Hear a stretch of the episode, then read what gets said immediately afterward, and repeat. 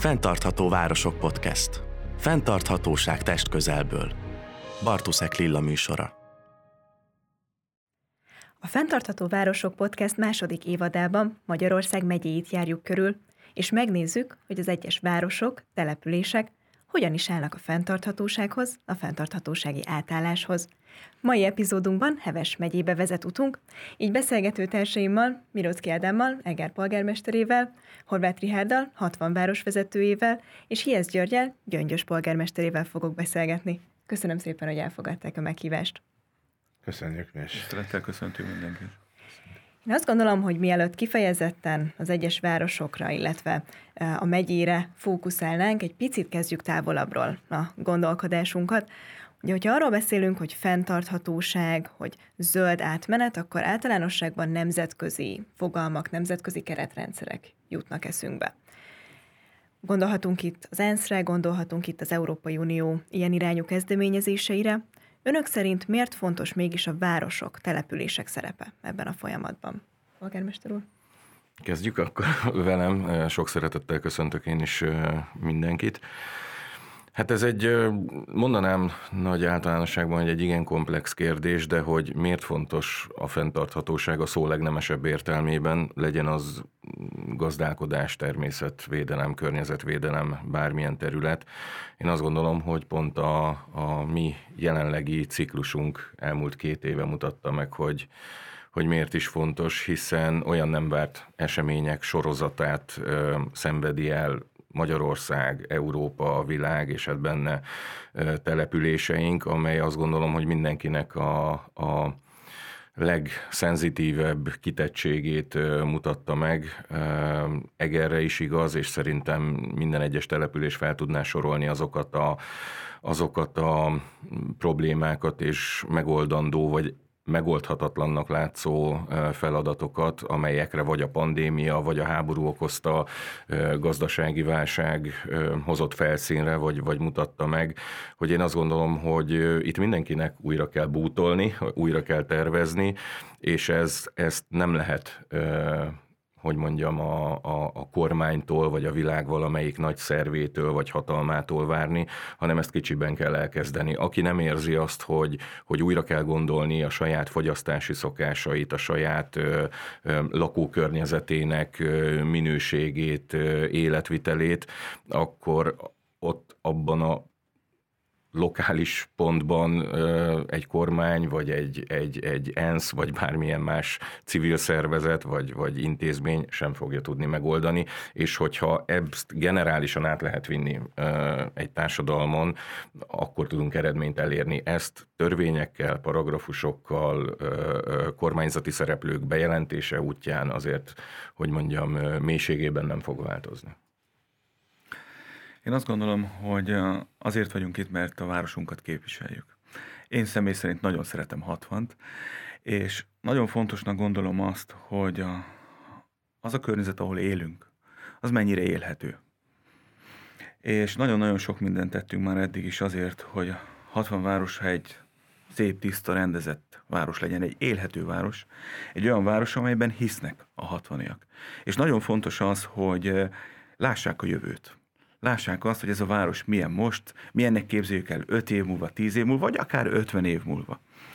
És valóban az elmúlt pár év az megmutatta, és talán az utolsó két év volt igen intenzív, megmutatta azt, hogy olyan változásokkal kell szembenéznünk, amelyeket még nem tapasztaltunk. Nincsenek rá metódusok, nincsenek rá eljárásrendek, folyamatosan újabb és újabb helyzetekhez kell alkalmazkodni.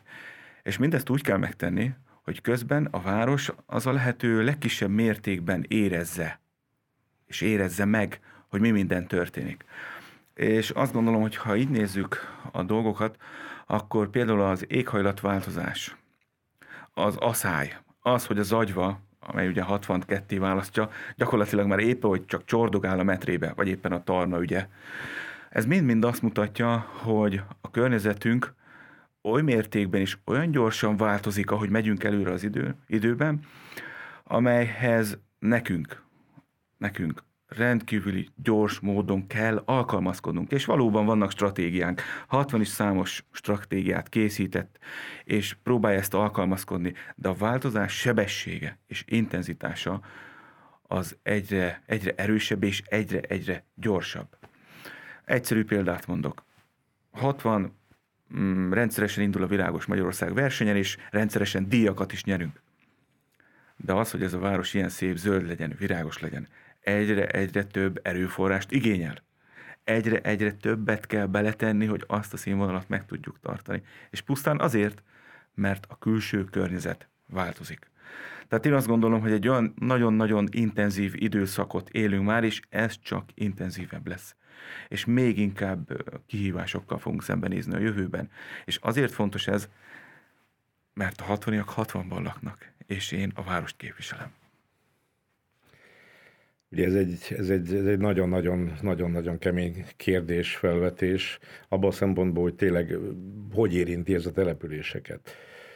Született 2015-ben az Ominous Science határozata a fenntartató fejlődésről, ugye ezt követi nagyon sok következő döntés, akár az Unió, akár, akár a egyes országok szintjén a törvénykezés, és ott vagyunk mi önkormányzatok a helyi rendeletekkel. És ebben az egészben valahol mindenkinek van szerepe. Tehát megváltozott a világ körülöttünk, hiszen olyan, olyan hatások érték a világot, amire nem azt mondom, hogy meglepetésszerűen, tehát a klímaváltozást évtizedek óta jósolják, mondják, vannak szkeptikusok, akik nem hiszik, de a bizonyíték az itt van, és nem csak itt a világ már többi részén is. Hogy a, a pandémia mit, mit okozott gazdaságba, egyáltalán társadalomba, a lelkekbe, nagyon, nagyon itt van az a gazdasági világválság, a háború, ami nem gondoltunk, hogy a közelünkben lehet háború, és nem az egyetlen okozója a dolgoknak, ez, ez még egy kisebb szelet, amit a háború okozott. Tehát ebbe én gyöngyösiként addig jutok el, hogyha mi ebből a, a, az átmenetből igyekszünk a magunk lehetőségeihez mérten stratégiákkal, megvalósítással, akár klímavédelemmel, fenntartható várossal, egy élhető várossal, ahol jó lakni, ami, ami nem ürül ki, akkor, akkor ez nagyon sok forrás kell, és oda jutunk el, hogy most ebben a szituációban, amikor a legégetőbb szükség lenne összefogásra, változásra, alkalmazkodásra, akkor jutunk el abba a szituációba, hogy nincs pénzünk. Tehát olyan, hogy mondjam, gúzsba kötve fogunk táncolni, ami, amit, ami elő kell, hogy hozzon olyan kreativitást, és tényleg azt mondom, hogy le kell menni a lakosság meg a vállalkozói szféra szintjén, és velük összefogva lehet még elérni olyan eredményeket. Lehet, hogy ne, nem a legnagyobbakra kell, hogy nem fogom elektromos buszokra cserélni, mert nincs anyagi forrásom, hanem apró lépéseket kell majd tennünk. És hát ez, ez, ez nem egy egyszerű, de azt mondom, hogy nagyon-nagyon apró munka szintjére le kell menni. És ugye ezeknek a lépéseknek legyenek azok aprók vagy nagyobbak, mind a stratégiai, mind a megvalósítási oldalára mindjárt vissza is fogunk térni. Előtte azonban azt gondolom, hogy a hallgatók, nézők számára egy kicsit érdemes összefoglalni, hogy a megye tekintetében melyek azok az adottságok, és melyek azok a kihívások, amik szerepet játszanak a fenntarthatósági átmenetben. Kezdem akkor én, vagy folytatom én. Hát én azt gondolom, hogy, és szerintem itt mindannyiunk nevében bátran beszélhetek, hogy Heves megye kicsiben nagyon szépen leképezi az országot, hiszen Magyarország minden szépségéből jutott ebbe a megyébe.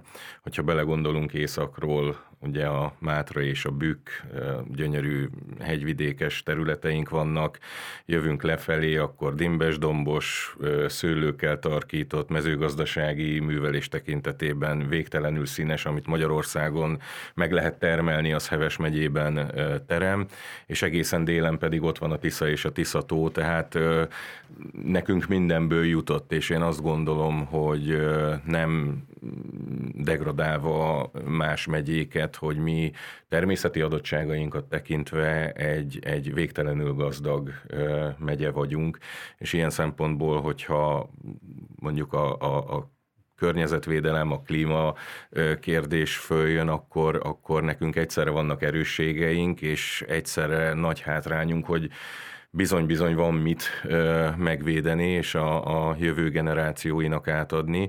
Ö, hát gazdasági értelemben pedig egy rendkívül színes ö, ö, megye vagyunk szintén. Ö, erről majd szerintem kollégák, ahol, ahol az ipari ö, ö, termelés lényegesen nagyobb, ugye Eger alapvetően egy, egy turisztikai ö, város, tényleg rendkívül büszkék vagyunk épített örökségünkre, történelmünkre, ö, minden adottságunkra, és amikor a, az első kérdésben azt mondtam, hogy a pandémia mutatta meg leginkább a kitettségünket, akkor pont arra gondoltunk, hogy, hogy képzeljünk bele, hogy ami eddig az elmúlt mondjuk száz évben Eger erőssége volt, a turizmus, a vendéglátás, a gasztronómia, lényegében a félváros abból él, hogy ide folyamatosan a négy évszakon keresztül turisták jönnek, hirtelen egy évre be kellett zárni minden szállodát, minden kávézót, minden éttermet, és azonnal megmutatta számunkra ez a helyzet, hogy, hogy egy egylábon álló gazdálkodásunk van, egy egylábos költségvetésünk, tehát ilyen kitettséget Eger, hogyha most a háborús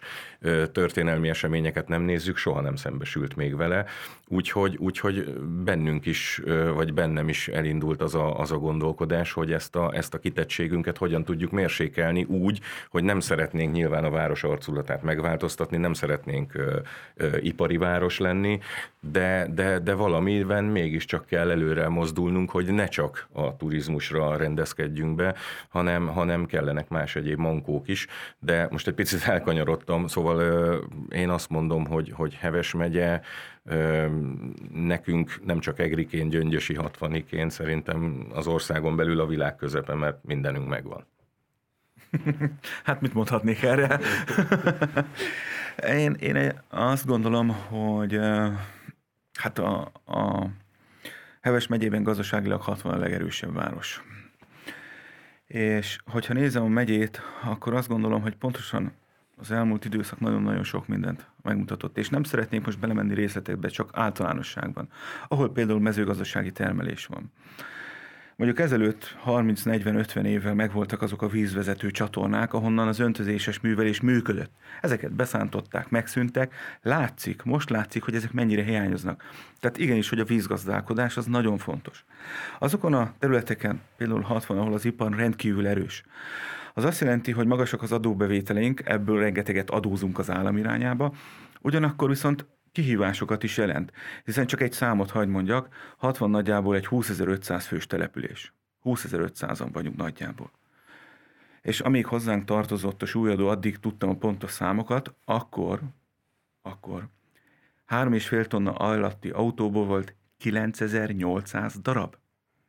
Ez azt jelenti, hogy minden második 60-ra, Csecsemőre, Aggastyára jutott egy autó. És ezek azért időnként úton vannak. Tehát önmagában véve, vagy például mondhatnám a legnagyobb adófizetőnket a Bosch. A Boschban több mint 6000-en dolgoznak. Város a városban. Ezeknek az embereknek a logisztikája, az ellátása, ez mind-mind-mind óriási kihívás. És ez a városra nézve szintén olyan problémákat generál, amelyeket meg kell oldanunk. És mindezt úgy kell megtennünk, hogy közben ahogy mondtam, a zöld, zöldülő, a zöld várost meg tudjuk tartani, és még inkább azokat a zöld felületeket, és sok minden mást, ami ezzel jár, tudjuk fejleszteni, tudjuk növelni. Tehát én azt gondolom, hogy ha a megyé, ja, és természetesen a Mátrát ne hagyjuk ki, ahol ugye kiterjedt erdők vannak, most pedig látjuk, hogy már arról beszélnek, hogy az iskolákat is esetleg fával kell fűteni, hát akkor ennek a kérdése is felmerül, hogy azok, azoknak az erdőknek mi lesz a sors, és hogyha a jövőben gondolkodunk, akkor ugye mindig elmondják, hogy az erdő milyen fontos az ökoszisztéma, a, a klímaváltozás szempontjából, hogy mennyi minden káros hatást tudnak kivédeni, hát akkor gondolkozzunk arról, hogy mi lesz ezekkel az erdőkkel, és hogyan tudjuk őket pótolni, hogyan tudjuk őket kiváltani. Tehát én azt gondolom, hogy a megye, mint olyan, mert hogy van alföldi része, van dimbes-dombos, és van a hegyvidéki része, tehát nagyjából ugyanolyan kihívásokkal néz szembe, mint egyébként az ország úgy összességében, és ezeknek a megoldásoknak, a jövőbeli megoldásoknak pedig iszonyatos mértékű hogy mondjam, anyagi vonzata van, amelyeket meg kell majd teremteni, és csak egy számot hagy mondjak, ahogy mondtam, mi egy 20.500 fős város vagyunk nagyjából, nálunk az öltület karbantartás éves szinten több mint 300 millió forintba kerül. Tehát, hogyha csak ezt az egy számot nézem, ez már iszonyatos szám. És akkor még nem beszéltem a többiről, hogy árkokat kell takarítanunk, parkokat, stb. Tehát nagyon-nagyon sok mindent kell tennünk ebben.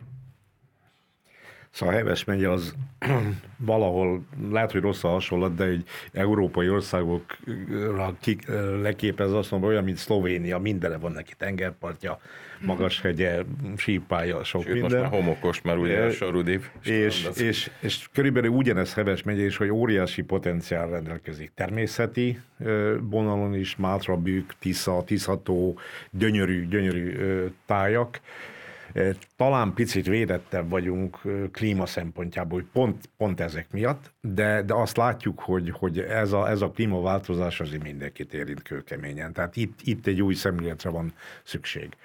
Aztán gazdaságilag, gazdaságilag azt gondolom, hogy a, a megye az összes magyar megyék között az első harmadban van benne, vagy az első, nem mondjuk az első hatban biztos, hogy benne van. Tehát jó, jó helyzetben vagyunk, és van egy úgynevezett 60 gyöngyös eger gazdasági tengely, ami rendkívül erős, és amíg ha térségbe gondolkodok, akkor azt mondom, hogy ez a jászsággal kiegészülő árokszálás, elszárokszálás, jászberén, jászfényszarú, ez egy olyan potenciál van egy 50 kilométeren belül, ami mondjuk hosszú távon a, a, a fenntarthatóságot, a fejlődést, a bevételeket jelenti. Ugye az élet hozta a Covidot, ugye aki, aki a turizmusba érdekelt, ugye Ádámék a város érdekelt, nálunk meg a Mátra. Tehát nem gyöngyösen van a turista, hanem a Mátrában a turista, és óriási visszaesés. Tehát ez, ezért, ezért, ezért jó, a több lábon állunk.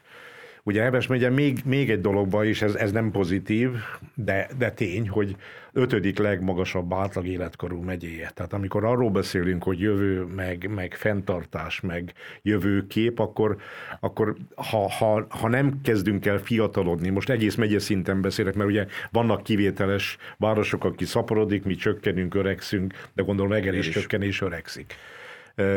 Tehát a helyi vezetéstől, az önkormányzatoktól egy más típusú szemlélet kell.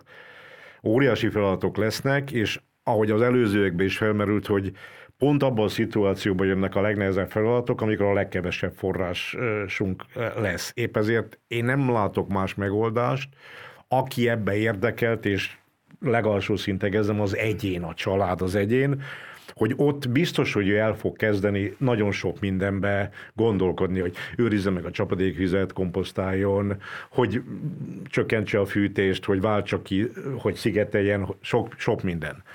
Ugyanígy a vállalkozói szféra is. Tehát a vállalkozói szférának tök teljesen mindegy, hogy most mit hoz az Unió, vagy a, a magyar parlament milyen törvényt hoz, ő neki a, a profit, és akkor rögtön elkezd gondolkodni, hogy no, akkor, akkor mi legyen. És hajlandó a helyi önkormányzatokkal együttműködni, mert az ő érdeke is, közös érdek. Ez lehet sok minden, közlekedéstől kezdve sok minden.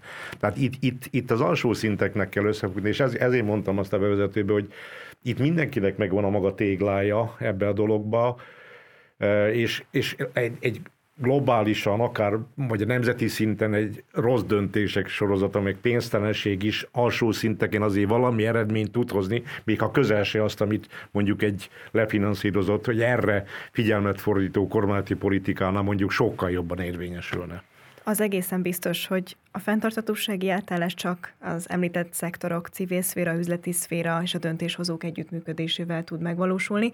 Mielőtt kitérnénk ezen szektorok és szegmensek szerepére, azt gondolom, hogy célszerű megnézni, hogy az egyes városok így Eger 60 és Gyöngyös milyen tervekkel, milyen kihívásokkal rendelkezik, amikor arról beszélünk, hogy a következő 10, 15, 20, vagy akár csak az elkövetkező 1-2-3 évben milyen irányba indul a fenntarthatósági átállás, vagy melyek azok a kezdeményezések, projektek, amik már folyamatban vannak.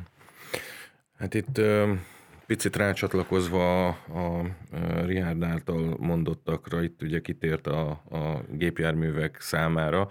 Én ezt egy másik adattal ö, vizsgáltam meg erben, hogy az elmúlt, elmúlt öt évben az adóirodánk szerint, aki gépjárműadót fizetett, lakossági szinten, tehát ebben a vállalkozások nincsenek benne.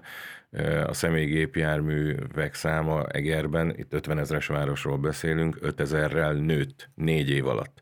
Na most, aki járt már Egerben és ismeri a földrajzi adottságunkat, mi ugye nem tudunk plusz sávokat egyetlen főútunkra sem építeni vagy bővíteni, számunkra a parkolás és a közlekedés lehetetlensége az, az, az már egy olyan akut probléma, ami napi szinten idegörlő a turistának, az egrinek, a, a munkába, iskolába igyekvőnek, és akkor ebből kifolyólag is húztam és húztunk egy merészet, amikor hosszú-hosszú volánnal történő egyeztetés után rendkívül büszke vagyok rá egyébként, hogy, hogy Magyarországon az első és mindmáig az egyetlen megyeszékhely, ahol idézőjelben ingyenes a helyi járat buszközlekedés, pontosan azzal a cél, célzattal, hogy ha ezzel hozzájárulunk, hogy napi szinten x száz autótól mentesül mondjuk az egri belváros, vagy a, vagy a, a, a napi közlekedés szám, akkor, akkor azt gondolom, hogy nagyon sokat tettünk. Most az ingyenességet úgy kell érteni, hogy minden egrinek 1000 forint egy éves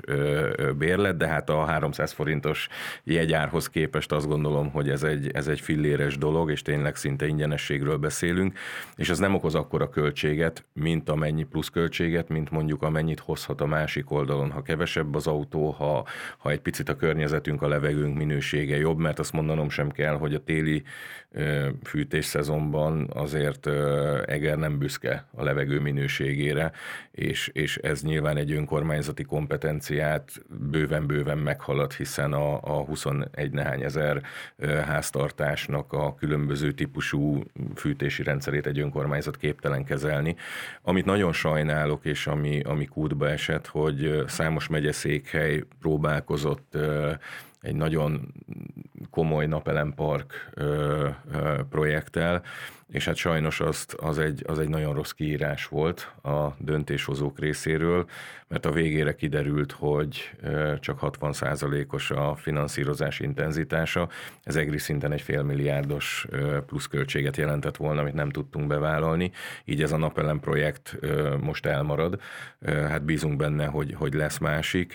Én azt látom, hogy amit önkormányzat meg tud tenni, nyilván a saját ingatlanai saját intézményeinek az energetikai korszerűsítése, a fűtési korszerűsítése, a közlekedésben tud innovációt produkálni, de ez, ez ahogy ö, ö, ö, elhangzott a néhány mondattal vagy perccel ezelőtt, ez, ez pont, hogy egy olyan financiális kérdés, amiből most kellene a legtöbb, és most nincs. Én például nagyon szeretném, hogyha ha Egerben, és ez az álmom, és hogyha addig eljutnék ebben a ciklusban, hogy, hogy elkezdjük tervezni, akkor nagyon boldog ember leszek. Egert kettészeli egy ö, teljes mértékben Füzesabonytól ö, ö, Eger felnémetig egy villamosított ö, vasútvonal, és én ezt nagyon szeretném a közösségi közlekedés részévé tenni Egerben egy 6-8 megállóval, és abban a pillanatban a dugókat is csökkentve, mondjuk a, a rengeteg csuklós busz helyett, ami észak-dél irányban bedugítja a, a várost, az onnantól kezdve kelet-nyugati irányba kisebb buszokkal, adott esetben elektromos buszokkal hordhatná rá a vasútra, vagy hát a kötött pályás közlekedésre az egrieket. Ez egy nagyon nagy álom, de nem lehetetlen, hiszen a legnagyobb infrastruktúra, a villamosított vasútvonal az megvan. Hát igen, és ugye itt jön a, az a kérdés, hogy az alternatívák hogyan tudják ösztönözni arra a lakosságot, hogy átérjenek egy fenntarthatóbb uh, életmódra, de erről még vissza fogunk térni még egy kicsit később. Uh, nézzük meg, hogy 60 városa hogyan áll a fenntarthatóság terén. Uh, nagyon-nagyon sok mindent tettünk, és rengeteg tervünk van. Alapvetően nekem nagyon sok, nekem is a városvezetésnek nagyon sok munkája van abban, hogy a város egy élhető város legyen. Egy olyan város legyen, amelyre büszkék a hatvaniak, és a, a családok, a fiatal szülők jövőt lássanak a városban. Ugye én elmondhatom azt, hogy nekünk új bölcsit kell építenünk, óvodai csoportokat kellett létrehozni, mert a városban nő a gyerekszám. És azt gondolom, hogy ennél jobb mérőszám erre nincsen, hogy hisznek a városban. És az elmúlt időszakban, hogyha csak az elmúlt ciklus nézem, akkor több mint 2000 új munkahely jött létre a városban. Ez egy nagyon összetett kérdés, tehát ez nem arról szól, hogy időn a vállalkozó területet vesz, puf, elindul a gyár. Ez rengeteg, rengeteg összetevője van. Már onnét, onnét induljunk el, hogy a munkaerőt biztosítani kell. A munkaerőt biztosítani kell, és azokat az infrastruktúrális kihívásokat, amelyek egyébként ezzel járnak, ezt mind-mind biztosítani kell. És Varga Mihály miniszter úr mondta, hogy 60-ban csak megszületni volt nehéz. Hát én ezzel vitatkoznék, mert az elődeim is ott voltak polgármesterek, és ők mégsem tudtak ennyi új munkahelyet létrehozni. Tehát ebben rengeteg munka van. Ezt azért mondtam el, mert ennek a fejlődő 60 projektnek az egyik alapja az pontosan, hogy ezt a fajta átállást, ezt meg tudjuk valósítani. És mi voltunk az elsők, akik a megyében leadtuk a Top Plushoz ezeket a bizonyos alappályázatokat, és én készültem is. Nem fogom kifejteni mindegyiket, de azért, hogy mi mindenről van ebben szó van-e a, prosperáló város, a virágzó, a fellendülő város. Ugye itt alapvetően a, az ipari befektetésekről beszélünk. Elkészítettük a befektetői kézikönyvet, minden esetben ösztönözzük és segítjük azokat a cégeket, amelyek 60-ban megjelennek. Óriási az érdeklődés. De emellett mi rengeteg segítséget teszünk ahhoz, hogy a cégek meg tudjanak ott települni a városban. A, keressük a kis- és középvállalkozásokkal a kapcsolatot. Ugye alapítottunk a díjat, minden évben elismerjük a hatani vállalkozókat. Ezen kívül én a nagy cégekkel én személyesen tartom a kapcsolatot. Mindegyik nagy cégnek az ügyvezetőjével, vezetőjével, például a Bossal havonta ölünk le, és megbeszéljük azokat a dolgokat, amelyek a várost és őket érintik. Tehát gyakorlatilag egy olyan környezetet alakítottunk ki, ahol a vállalkozók gyorsabban jutnak el az igazukhoz. Nagyon nehéz ezt, azt gondolom, hogy a kollégák pontosan tudják, hogy a közigazgatást és a vállalkozói szellemet összegyúrni, és ezt végigvinni a hivatalon, hogy a hivatal is úgy, úgy, úgy álljon hozzá. De alapvetően mi szolgáltatunk, és mi a befizetett iparüzési adóból élünk. Tehát az én költségvetésemnek nagyjából 78%-a a befizetett iparüzési adó. A lakossági befizetés nem éri el a 2 százalékot.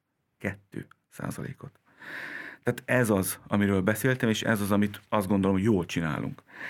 A következő a zöldülő város. Na, hát ez már sokkal izgalmasabb, hiszen van most egy ilyen projektünk is, ami egyébként pont ezt, való, ezt valósítjuk meg, és erről szól. Viszont én azt gondolom, hogy ehhez sokkal-sokkal több forrás kell. Tehát itt nem csak arról van szó, hogy parkokat, erdőket újítunk meg, kialakítunk, hanem arról is kell, hogy szóljon, hogy a csapadékvizet hasznosítsuk, hogy a városba, ami van víz, azt ne kifelé toljuk, hanem valamilyen úton, módon meg tudjuk bent tartani. De ez is nagyon kettős, mert mi néhány évvel ezelőtt elindítottuk azt a programot, amelyben a városban az árkokat takarítjuk ki, és, és azért a hozzáállást azt jó jellemzi, hogy mindenki azt mondja, hogy ez fantasztikus dolog. Ez az, csináljátok, így kell, nincs mese. De az én házam előtt ne legyen árok. Ott ne legyen. Ott, ott nem kell. Minden máshol legyen, de ott nem. Na most az a helyzet, hogy nem egyszerű. Tehát e, ez egy nem, nem egyszerű kérdés, mert hogyha megjelenik a víz az árokban, hála jó Istennek, hogy az árokban van és nem a házban, de mégis akkor kapjuk a kritikát, mert, mert a ház megsüllyed, mert elvizesedik, nem tudom, stb. stb. Tehát, tehát rengeteg, rengeteget kell erre, erre majd költenünk, és foglalkozni a kérdéssel. De ez szintén nagyon-nagyon komoly költségeket emészt föl. Mi már támogatjuk azt, hogy az új, új beruházásoknál, ha van rá mód, van rá lehetőség, akkor a beruházók ezt vegyék figyelembe. A csapadékvizet ne a városi csapadékvízhálózatba kössék be, hanem ott a területen párologtassák el, ott, ott tárolják. Ha tudnak, akkor zöld tetőket hozzanak létre. Mi is az elmúlt időszakban rengeteg napelemet telepítettünk az önkormányzati intézményekre, hozzánk tartozó épületekre. Hát ezt, ezt szeretnénk megoldani. És a parkok kapcsán fölmerült ez a mélegelő, nem mélegelő, nem tudom, de az biztos, hogy a biodiverzitást azt fent kell tartani, és olyan parkokat is szeretnénk létrehozni, és már a mostani projektünk is erről szól, amelyben ez megjelenik. Valahogy, valahogy a jövőt, a jövőt megmutatni, és a jövő, jövő, jövőt kutatni. Ezen kívül a digitális város is egy ilyen alappillér, amelyről beszélünk. Hát én elmondom, hogy már mi van mi van 60-ban? Ingyenes wifi már van, tehát ezt már megvalósítottuk a városban. A közvilágítás digitalizációját ezt most tervezzük. Nálunk a közvilágítás a számított értékeken megy. Uh-huh. Tehát nincs mérve, hanem számított értékeken megy. Már most ebben a projektben is, ebben a Zöldülő Város projektben is uh, megpróbáljuk úgy megoldani, hogy a fényerőt szabályozzuk. Tehát bizonyos időszakokban kisebb fényerő, vagy bizonyos időszakokban kikapcsolunk bizonyos közvilágítási lámpákat. Ez majd, majd meglátjuk. Okos gyalog átkelőhely, ezt most fogjuk átadni közösen majd a Bossal, ez már megalakult. Okospad, van már okospadunk. Okos várossá válás, vannak rá tervénk, hogy hogyan és miképpen lehetne digitalizálni ezeket a dolgokat. Városi mobil applikáció folyamatban van, és ez a bizonyos központi adminisztrációs felüzet alkalmazása, ez már megvan. És hát van egy ötödik pillérünk is, ez a megtartó ö, város. Ez mind-mind, amiről beszéltem, gyakorlatilag ennek az infrastruktúrális lefordítása vagy megfelelése. Nálunk, ingyenes a, nálunk is ingyenes a tömegközlekedés, a megyében mi voltunk az elsők, ahol... Megye, ezért fogalmaztam megyeszék. ahol első, elsőként ingyenes volt a tömegközlekedés, és nálunk valóban ingyenes. És vizsgáltuk annak a lehetőségét is, hogy elektromos buszokat szerezzünk be. De azt tudni kell, hogy az elektromos busz maga a beszerzés is egyetlen drága, tehát az az Isten pénze. Másodszor pedig a rendelkezésre állás 50 tehát ahhoz, hogy én egy buszt ki tudjak állítani, kettőt kell venni. Nem megy. Nagyon drága. Gondolkoztunk hibrid buszban. Annak a rendelkezésre állás valahol 60 és 70 százalék között van, a bekerülési költsége majdnem ugyanannyi, mint az elektromos busznak. Tehát azt kell, hogy mondjam, hogy jelenlegi pénzügyi konstrukció mellett egy korszerű dízelbusz a megoldás, de nem hosszú távon. Tehát igenis, hogy szeretném. Szeretném azt, hogy a két városrészben csillió-millió trilliárdos terv, de szeretnék kötét, kötött pályás összeköttetést. Akár, akármit, ami mondjuk 5-10 percenként megy, és a két városrészt összeköti. Ugye, ahogy mondtam, nálunk a közlekedés iszonyatos probléma. Hihetetlen. Tehát amikor mondjuk 3 vagy 4, 5 kilométert 40 perc alatt tesznek meg 60-ban. Hát szegény édesanyám csuklik eleget, pedig ő aztán tényleg nem tehet róla. Szeretnénk egy elkerülő útat. Az elkerülő útnak a bekerülési költség két évvel ezelőtt nagyjából 15 milliárd forint volt. 15 milliárd forint. Parkolás. Ugyanez a probléma. Iszonyatos sok autó van. Mindenhol parkolni szeretnének. Ez is az Isten pénze. Tehát most jelenleg egy parkoló helyet a jelenlegi árakon számolhatunk nagyjából két-két és fél millió forinttal attól függ, hogy milyen alapszerkezetet kell kialakítani. Akkor el lehet gondolni, hogy száz darab parkolóhely mennyibe kerül. Tehát ezek, ezek iszonyatos pénzek. Ugyanakkor viszont, ugyanakkor viszont vannak olyan kezdeményezések, amelyek nem kerülnek eh, pénzbe, ezek civil kezdeményezések, és amelyek mögé az önkormányzat eh, beállt.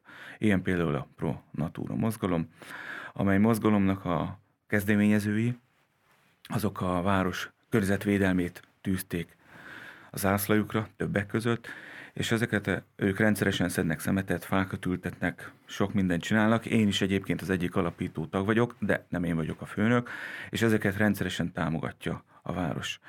Tehát azt gondolom, hogy igen, le lehet menni, és le kell menni a lakók szintjére. De ahhoz, hogy ott eredményeket tudjunk elérni, rengeteg pénzt kell beletolni. Rengeteg pénzt. Hát a fenntartatóság egészen biztosan egy magas költségű rendszer, de nézzük, hogy gyöngyös hogyan áll a Ugye a fenntarthatóság az nem, nem a toppos pályázaton elnyert pénzeink indították el, mert azelőtt is gondolkodtunk, akár ismételni lehetne bármelyik őtek, vagy egymás ötleteit, javaslatait, vagy megvalósult fejlesztéseit, de, de valóban most ugye ennek a pénznek a felhasználásához kötöttek egy fenntartató városfejlesztési stratégiát. Most hallgatom Rihárdot, tehát ezek a címszavak ez ugyanúgy visszaköszönnek gyöngyösön, de nem most indult. Az, hogy, hogy milyen irányba mentünk el eddig, és milyen irányba megyünk, ez a stratégia az, az jó lesz egy ilyen vezérfonálnak, hogy na emellett menjünk, kiegészítve azzal, hogy teljesen átírnak történetek, hogy ha egy begyorsul egy klímaváltozás, hogyha a gazdasági világválság mondjuk még nagyobb pénztelenséget okoz, vagy olyan kiadást, akkor persze az ember átértékeli, de nekünk is mondjuk az első dolog a gazdaságfejlesztésről beszéltünk, hogy legyen egy olyan bevételi alapunk, egy adó, amivel szabadon gazdálkodhat a város, mert az önkormányzat addig önkormányzat, amíg van önálló döntési kompetenciája, meg lesz forrása neki. Egyébként utána nincs. Adókivetési. Adóki, tehát nincs, nincs, hogy mondjam, onnan jövő képe az önkormányzatnak, hogyha ez megszűnik. Tehát a gazdaság nagyon fontos. A másik, amiről beszéltünk, az a zöldülő város, amiben sok minden beleférhet. Beleférhet az, hogy a csapadékvíz megtartás, látjuk, hogy iszonyatos park növényzet pusztulás. Mi a Mátra szívébe is azzal foglalkozunk, hogy fa, sövény, virágültetés, tehát egy klíma vízhörületek kialakítása, vízmegtartás. Ez, ez eddig is ment, de most fel kell, hogy gyorsuljon, bármilyen szegények leszünk, de ebbe dolgozni kell. Energia téma. Tehát, tehát mi döntöttünk tavasszal, létrehoztunk egy energia közösséget. Ez azt jelenti, hogy lakosság, vállalkozások közösen gondolkodunk abba, hogy hogy tudunk energiát. Na most hogy tudunk úgy, hogy indul egy naperőműpark? Hát mivel most már nem lehet rácsatlakozni a rendszerre, ezért olyan naperőműparkot építünk, ami közvetlen óra elé megy be, tehát a saját felhasználjuk azt, amit megtermelünk. És ebből többet gondolunk. Még jobban kihasználjuk azokat a tetőterületeket, ahol még lehet elhelyezni ilyen napelemeket ebbe az energiaközösségbe.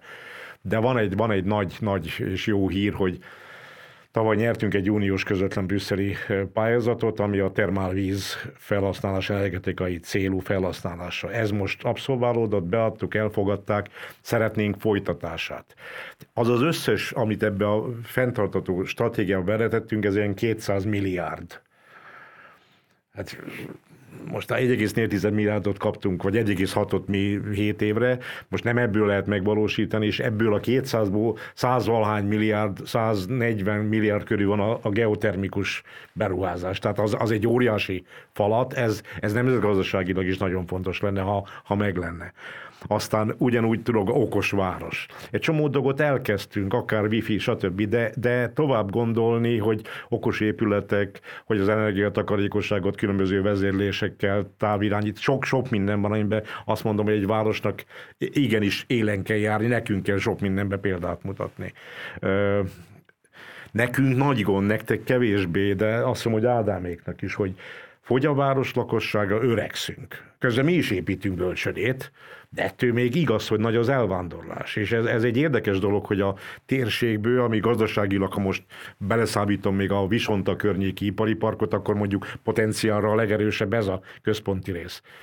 És akkor itt jön a kérdés, hogy és akkor mi van a Mácai erőművel, bányával, a, a, aminek a kormány azt mondta, hogy 2025-ig meg kell szűnni, majd most a energiaválság hatására nyissuk újra. De hát ez nem, nem ilyen kérdés, hogy egy, egy otthagyott technológiát, egy, egy le nem termelt meddőréteg után lesz-e lignit, hogy, hogy ez hogy fér össze a környezetvédelemmel. Tehát ez, ezek érdekes kérdések, és erre van egy igazságos átmenet, 103 milliárd forint. Ez kapja három megye, Bükábrány miatt Borsod, Baranya megye, Heves megye. Hogy ebből mit prosperálunk, hogy azok a környezetszennyező dolgok, amik a 69-es, 70-es bányanyítás, erőményítástán érte a környéket, most kap-e vissza kompenzációt, mondjuk elektromos buszokat a környébeli közlekedésre, átképzésre, munkahelyteremtésre. Na, hát ezért, ezért mondom, hogy van, mi, van mit csinálni, és nekünk fontos, hogy, hogy telepedjenek le, legyenek ö, lakásépítések, olyan lakáspasszív, nem, nem akarom sorolni, tehát rengeteg olyan elképzelés terv van, és, és valahol, valahol azt gondolom, hogy és ezt az előbb mondtam, hogy le kell menni arra a szintre, akik ebbe a legérdekeltebbek, a legjobban fáj és hajlandó közösen cselekedni. Ez a lakos, meg a vállalkozói szféra. És a nagy kérdés az, hogy mindehez hogy áll a lakosság. Én azt gondolom, hogy a beszélgetés záró kérdéseként érdemes megvizsgálni, hogy mennyire nyitottak, hogyan vélekednek, mennyire érzik a saját bőrükön a fenntarthatóság szükségességét. Um, nekem van egy uh, nagyon sok uh, a szó szoros értelmében vannak negatív tapasztalataim bizonyos embertípus felé, és az nem bántás, hanem, hanem a, a rendszerváltás óta felnőtt egy, egy olyan generáció, amire én úgy szoktam fogalmazni, hogy egy picit ez a homokádárikusz, hogy, hogy majd a valaki megoldja helyettem régen a párt, most a városban a polgármester. Tehát ha esik az eső, én oldjam meg a problémát, ha süt a nap, én oldjam meg a problémát, ha nagy a fű a háza előtt, én oldjam meg, ha elszáradt és kisárgult, akkor is mi oldjuk meg.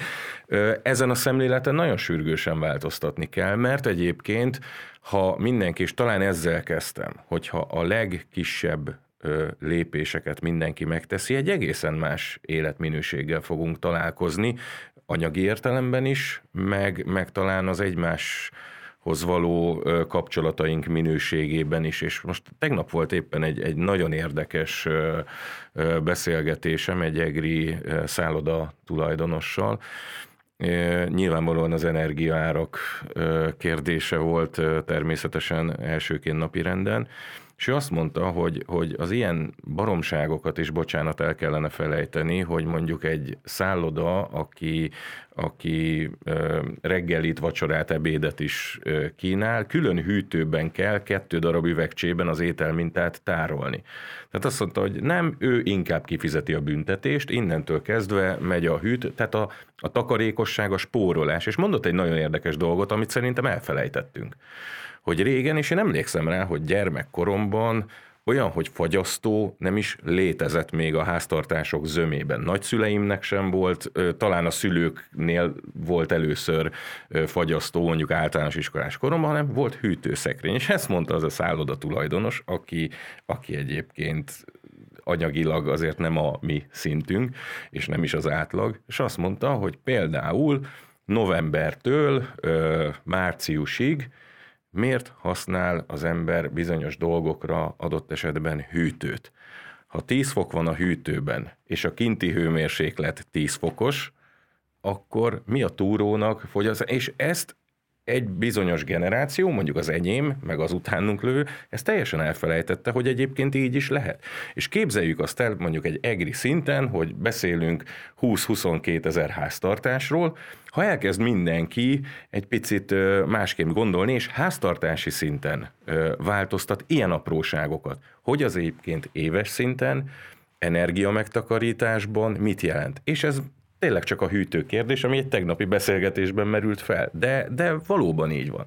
Na igen, de ahhoz, hogy ez a fajta Erre kampány szintű, kell. Így van, ehhez, Erre ehhez kampány kell. egy én, én, én azt gondolom, hogy a kampányok tekintetében nem állunk rosszul, és most nem politikai kampányról beszélünk, hanem, hanem lakossági tájékoztatást mindig minden fronton, ami a csövön kifér, meg szoktuk tenni, a szórólaptól, az óriás plakátokon át, a városi televízió, rádiók, újságok tekintetében mindenhol. Ugye amikor a, a buszközlekedést tettük ingyenessé, az egy gyakorlatilag egy folyamatos kampány volt. Most indítunk egyet a, a sebességcsökkentés érdekében, ugye kezdődik az iskola, beindul a nagy üzem, a, a, ugye Egernek rengeteg iskolája, egyeteme van, diákváros abszolút, abszolút még durvább őskáosz lesz az utakon, de most különösen fontos, hogy az oktatási nevelési intézmények környékén fokozott óvatosság legyen. Tehát az a fajta ö, kommunikáció, amit egy önkormányzat megtehet, azt gondolom, hogy mi azt kimaxoljuk ö, a 21. századot a technológia minden frontján, legyen az internet, vagy nyomtatott sajtó, vagy bármi más, de, de ahhoz, hogy a lakosság hozzáálljon, szerintem most nem is a kampányok a legszükségesebbek, hanem, hanem szerintem a kényszer fogja szülni, hiszen amikor október, november, néhány hónapon belül találkoznak a rezsiszámlákkal, találkoznak a, az energiaválság okozta élelmiszerár növekedéssel, a, a élet minden területén üzemanyagról nem tudjuk, hogy meddig lesz befagyasztva a lakosoknak, meddig nem. Tehát a szó szoros értelmében ez a nagyon rossz dolgok sorozata, asszály, háború, gazdasági válság egyéb lehet, hogy szül majd olyan jó dolgot, hogy ö, apró kicsiben mindenki elkezdi, mert rá lesz kényszerülve a, a, az életminőségének a megváltoztatásán, a fogyasztási szokásainak a megváltoztatásán, a, a spórolás, nagyon sok olyan dolgot előhozhat, hogy megbecsüljük, sokkal inkább megbecsüljük a környezetünket, a legkisebb cserepes virágtól a, a környezetünkben lévő folyók, patakok, itt ugye Richard mondta a, a tarnát, hát az, az döbbenet. Tehát az, aki mezőgazdaságból él, ilyen fokú ökokatasztrófát okozzon, hogy még a maradékvizet is kiszivattyúzza, és rizsföldet csinál a saját földjéből. Tehát ezek azok a dolgok, amik, amik szerintem kényszer fogja szülni, és jót fog eredményezni. És az önkormányzatnak kutya kötelessége ezekre fölhívni a figyelmet, kutya kötelessége alternatívát kínálni, segítséget nyújtani, de valójában nem mi fogjuk azt gondolom azt a nagy néplélekben vagy népgondolkodásban az áttörést hozni, hanem az a kényszer, amit ez a jelenleg nagyon borúsan látott jövőkép fog előidézni. Mm, én egy kicsit messzebbről kezdeném. A... Én 2010-től vagyok a politikában, 10-től 14-ig alpolgármester voltam, 14-től polgármester. És nekem van egy, van egy történelmi kor, amit én nagyon szeretek. Ez a kiegyezés utáni időszak, és teljesen a második világháborúig. És mikor elindultunk, én egy polgárosodott várost képzeltem el magamnak. Egy olyan várost, amely, amely képes megállni a saját lábán, és, és jelen van egy erős középosztály.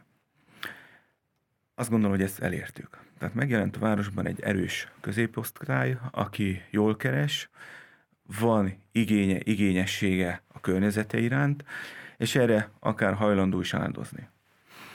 Erre, ahogy mondtam, Pronatúra nagyon jó kezdeményezés volt, de például mi megcsináltuk 60-ban a közösségi költségvetést is. Ennek idén a második fordulója volt már, ahol 100 millió forint sorsáról kérdeztük meg a 60 mondják meg, hogy mire fordítsuk a 100 millió forintot, és, és igen, éltek a 60 a lehetőséggel. És én azt tapasztaltam, azt gondolom, hogy igen, jelen van a városban egy olyan réteg, amely eljön fátültetni, amely hajlandó szemetet szedni, amely hajlandó részt venni abban, hogy akár a saját mikrokörnyezetében is ilyen megfontolások alapján éljen. Tehát például ismerek olyan 18 éves hölgyet, aki még az alumíniumot is külön teszi a, a papír hulladéktól, mert ő annyira, annyira komolyan gondolja ezt. Tehát igen, működik. Viszont a, azok a változások, amelyekről már itt beszéltünk, nem egyszer, nem kétszer, azt gondolom, hogy olyan, olyan dolgokat fog előhozni, amelyek nem ebbe az irányba mutatnak. Mert amikor mondjuk 60 esetében, aki akart és tud dolgozni, az, az képes és tud dolgozni. Képes munkát találni, tisztességesen meg tud élni. Ha ez megváltozik.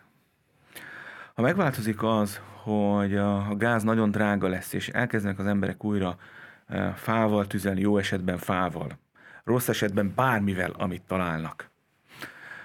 Hogyha a, elindul a elindulnak a nagymértékű kútfúrások. Hát, ugye eddig is volt minden háznál kút. De az, az, a, az a kút, az kiszolgált egy háztartást, nem ittak belőle jellemzően, kertet locsoltak esetleg. Most majd elindulnak a kútfúrások. Medencéket, úszómedencéket fognak belőle megtölteni, hogy már megy, csak ez még nagyobb számban elindul.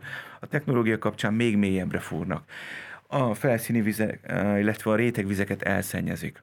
A felszíni vizek 60-ban van két bányató, a nagyobbi bányató a 140 hektár. A bányatónak a vízszintje az elmúlt időszakban legalább másfél métert apadt. Uh-huh. Apadt, eltűnt a víz. Tehát, hogyha megnő a vízkivétel, mert drága lesz a víz, mert a csatornadíj, mert nem tudom, stb. stb. Ez mind-mind abba az irányba mutat, hogy nem jó dolgok jönnek. Vagy például mondom azt most, amikor minden energiára szükség van, akkor itt vannak ezek a bizonyos erkély napelemek, amit, amit ugye nem, nem engedélyeznek. De mégis, hogyha az erkély napelemet engedélyeznék, akár az egy szobát el tudna látni, vagy, vagy egy kisebb háztartást el tudna látni. Van. Hát ugye itt, itt, itt jön az a kérdéskör szintén terítékre, hogy azért a jogszabályi háttér nem a fenntartatóságnak kedvez nagyon sok esetben. Én például megkockáztatnám a szélkerekeknek a kérdését is. Átmegyünk a határon, vagy a nyugati országrészbe elmegyünk, rengeteg szélkerék van. Ugye most Magyarországon olyan a szabályzás, hogy szélkereket lakott területtől 12 kilométerre lehet csak felhúzni, építeni. Hát gyakorlatilag ezért nincsen szélkerék Magyarországon, de, de, de nem értem. Tehát, hogyha ha lehetne, akkor, akkor ezt is, ezen is változtatni kellene. És azokat a, azokat a jog, jogszabályokat, azokat a szabályzókat, amelyek most be vannak építve, azokat valamilyen úton úgy kellene átalakítani, hogy ebbe a zöld irányba mutasson. Tehát most én nem, hogy mondjam, tehát hogyha drága a gáz és a, a villany, akkor miért fákat kell kivágni? Tehát, tehát én, én valahogy ezt, ezt az összhangot egyelőre nem érzem. Biztos, biztos megvan valahol, de én egyelőre ezt nem érzem. Alternatíva keresésben biztos, hogy tágabbra Tehát kellene tekinteni. Például, például a geoterm energia szóba került. Vannak már olyan korszerű hőcserélők, geotermenergiával működő hőcserélők, amelyek akár képesek egy kisebb intézmény ellátására, vagy akár egy nagyobb ház, háztartás ellátására. Hát akkor ezt valahogy ösztönözni kellene valahogy, valahogy be kellene építeni, és akkor az emberek e felé fordulnak, mert most azt gondolom, hogy a legolcsóbb megoldás felé fognak fordulni, amit találnak. Ha ez a fa, fa, ha ez a lignit, akkor a lignit, ha ez a szemét eltüzelése lesz, akkor ez a szemét eltüzelése lesz. És hogy áll mindehez gyöngyösen a lakosság? Hát a civil szféra, a lakosságnak a, a fenntartatóságban való közreműködése hajlama. Most egy új szeretet nyitok, szerintem meg nagyon-nagyon-nagyon pozitív irányba változott az elmúlt években. Én kicsit nagyobb táblatból nézem, mondjuk visz, menjünk vissza a rendszerváltásig. Tehát a, ott azutáni környezetvédelmi intézkedések, hulladékgazdálkodás, nem akarom sorolni, energiatakarékosság. Ott már csak részbe tudom, és hoztam, amit Ádám mondott biztos, hogy nagyon pozitív, hiszen az emberek, ha a saját bőrükön érzik azt, hogy neki takarékoskodni kell, ha ő olcsóbban tudja akármilyen áru áramot venni azzal, hogy napelemet, előtte napkollektort, vagy melegvizet, és, és sok mindenre igaz, akkor az ember a legkisebb szinten, amikor fáj a pénztárcámnak, a családnak, akkor ő, ő nagyon gyorsan tud racionális döntést hozni. Ebben nekünk óriási a szerepünk, hogy helyi sajtón, médián, tévén, rádión, újságon keresztül, hírlevélen, bár, bármilyen módszerrel, de próbáljuk a lakosságot, civil szférákat, környezetvédőket eh, bevonni. De a legnagyobb gondot abban látom, hogy teljesen ellentétes, hogy csak a klímaváltozással kapcsolatos dologba, a, a központi kormányzásnak a, a döntései. Tehát a, a rezsicsökkentés persze mindenkinek jó, köszöni szépen, de pont ellentétes hatást váltott ki, hiszen leszoktattuk az embereket, hogy gondoskodjon arról, hogy gondolkodjon, hogy kell-e három mélyhűtő a lakásba, és inkább a Tesco ütsön, vagy a, a Lead, és ne én mert az nagyon drága, tehát kimutatták, most már jönnek a kimutatások, hogy, hogy a legnagyobb fogyasztó a boiler és a mélyhűtő, és a hűtőszekrény. Bármilyen energiatakarékos, a legnagyobb pénzfaló ez. Egy csomó dologban azt gondolom, az oktatás, az általános iskolától, vagy óvodáktól, felsőoktatásig szemléletben rengeteget hozott. Egy csomó fiatal sokkal érzékenyebb, hiszen az ő jövőjükről van szó. De érdekes módon nagyon sok idős ember is, nagyon-nagyon módszeresen a szelektív gyűjtéstől kezdve, de ebben nekünk azt gondolom, hogy kiemelt szerepünk van. De nem tudunk széllel szembe. Tehát, hogyha teljesen ellentétesek a törvények, meg a helyzet, tehát részben ugye a évvégi, azt hiszem a Glasgowi konferencia kinyújtotta azt a határidőt, ami, ami bizonyos klímavédelmi dolgokat előrehozott volna. A mostani gazdasági meg energiaválság amit, amit Rihár mondott, hogy itt a nejmonzacskótól a petpalacki minden el lesz égetve, a, az az ember, akinek nincs jövedelem, az rá fog kényszerülni olyanokra, ami, amiről leszokott pár év alatt most eb- ebbe az irányba fogja sajnos eltolni, és nagyon sok mindenbe. Tehát én azt gondolom, hogy nagyon, nagyon fontos az, hogy mi helyi szinten, persze ezt mondjuk el, de, de ne unjuk meg az, hogy hetente, hetente el kell mondani, hogy ne rak ki a zöld hulladékot, légy szíves, komposztál, nem kell hozzá más, csak a udvarot kerít sarokkába két raklapot felállítasz, és komposztálja, hogy a csapadékvizet ne vezess ki a csapadékcsatornába, meg az utcára, fog föl, öntözd a, a növényeket. Tehát, tehát ezek pici lépések, de, de ez hozzátartozik ahhoz, mert most például szembesültünk egy vadonatúj lakótelepünknél, hogy csapadékvíz egy havári esetén elönt mindent. És akkor kiderült, mikor megvizsgáltuk, persze, a tervek úgy vannak kiadva, hogy saját telkén belül kell megoldani a csapadékvizet. Logikusan, hiszen a növényzónának, a gyökérzónának kéne víz. Mindenki kivezette, betette a központi rendszerbe. A tervező, aki tervezte a központi rendszert, ő meg azzal számolt, hogy az, az belül marad. Hát nem marad belül, és szóval el kell jutni addig, hogy a tervező, a város, a rendeletalkotó, meg a lakos is működjön összhangban, és akkor még nem beszéltem a központi hülyeségekről, ami, ami befolyásol minket. Hát ez az összhang, ami azt gondolom, hogy a mielőbbi elérése igazán tudja elősegíteni a fenntartatósági átállást. Számos témára nem maradt időnk a mai beszélgetésben, így a digitalizáció kérdéséről, az ifjúság megtartásról. Bízom benne, hogy lesz még lehetőségünk beszélgetni polgármester urakkal, de szeretném megköszönni a mai beszélgetést Mirkóczki Ádámnak, Eger polgármesterének, Hiesz Györgynek, Gyöngyös városvezetőjének, és uh, Horváth Rihárnak 60 városvezetőjének. Nektek pedig szeretném megköszönni, hogy ma is velem tartottatok, tegyetek így legközelebb is. Sziasztok! Bartuszek Lilla műsorát, a Fentartható Városok podcastet hallottátok. További tartalmakért látogassatok el weboldalunkra, és kövessetek minket a közösségi médiában is.